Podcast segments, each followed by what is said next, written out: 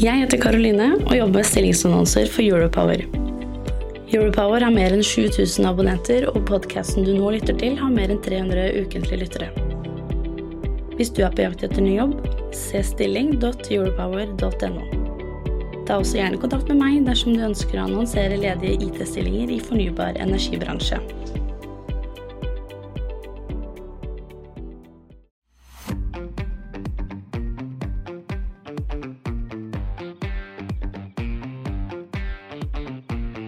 Hei, og velkommen til Europowers strømmarkedet på tre minutter. Nå ser vi endelig at de høye prisene vi har hatt i begynnelsen av desember, at de har sluppet taket.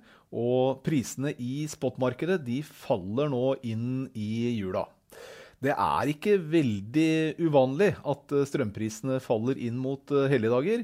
Fordi mye av industrien i Europa de stenger jo ned, kanskje en hel uke. Og de står jo også for den vesentligste delen av strømetterspørselen i Europa. Så da faller også prisene der nede, og det samme gjør de norske prisene. Det er også godt hjulpet av mildere temperaturer. altså Temperaturen har ligget godt under det som er normal både for Norge og Norden, men også for de nordlige delene av kontinentet har ligget godt under normale temperaturer i begynnelsen av desember. Mens nå så ligger de samme områdene ganske bra over det som er normalt for, for årstiden. Mer vindkraft er også med å bidra til at prisene presses noe nedover. Og fremover så er det også fallende priser. Vil si altså en kontrakt som gir deg retten til å få levert strøm gjennom første kvartal neste år. Den har jo vært handlet i veldig god stund så langt, men nå handles den altså i dag for laveste pris siden juni i sommer. Så gjennom sommeren og høsten så har altså markedet vurdert at første kvartal skulle være vesentlig dyrere enn det som vi ser i dag. Det gjelder jo for så vidt for hele landet, men det er jo spesielt da Sør-Norge vi ser at prisnedgangen er størst.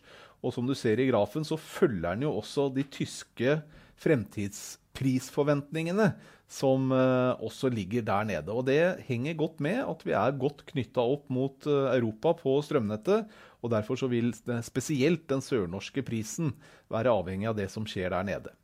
En viktig årsak til at prisene faller i Europa er fallende gasspris.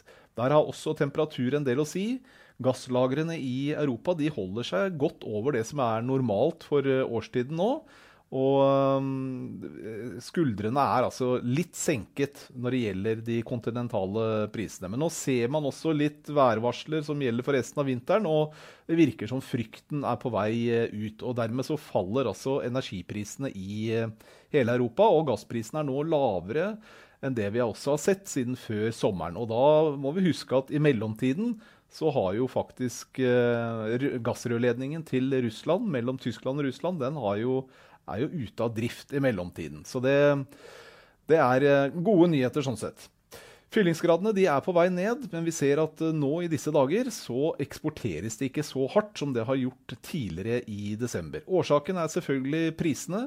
Produsentene produserte det rammer og tøy kunne holde tidligere i desember, og eksporterte ja, egentlig på maks hva som er mulig å eksportere. Nå er det netto import fra områdene utenfor Sør-Norge, og det har noe med prisen å gjøre. Prisen nå er lavere enn det produsentene forventer i januar, og dermed så bremser de opp produksjonen og heller importerer strøm utenifra. Og da når vi kommer inn i januar og februar, så er det nok der de har lyst til å holde produksjonen høy, fordi prisene er forventet litt høyere enn det vi ser nå for jula. Så gjenstår det å ønske deg en riktig god jul, så ses vi igjen på nyåret.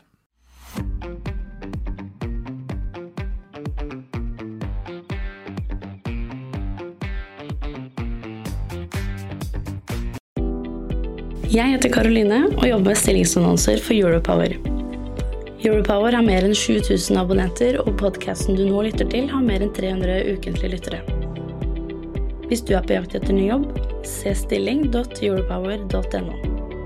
Ta også gjerne kontakt med meg dersom du ønsker å annonsere ledige IT-stillinger i fornybar energibransje.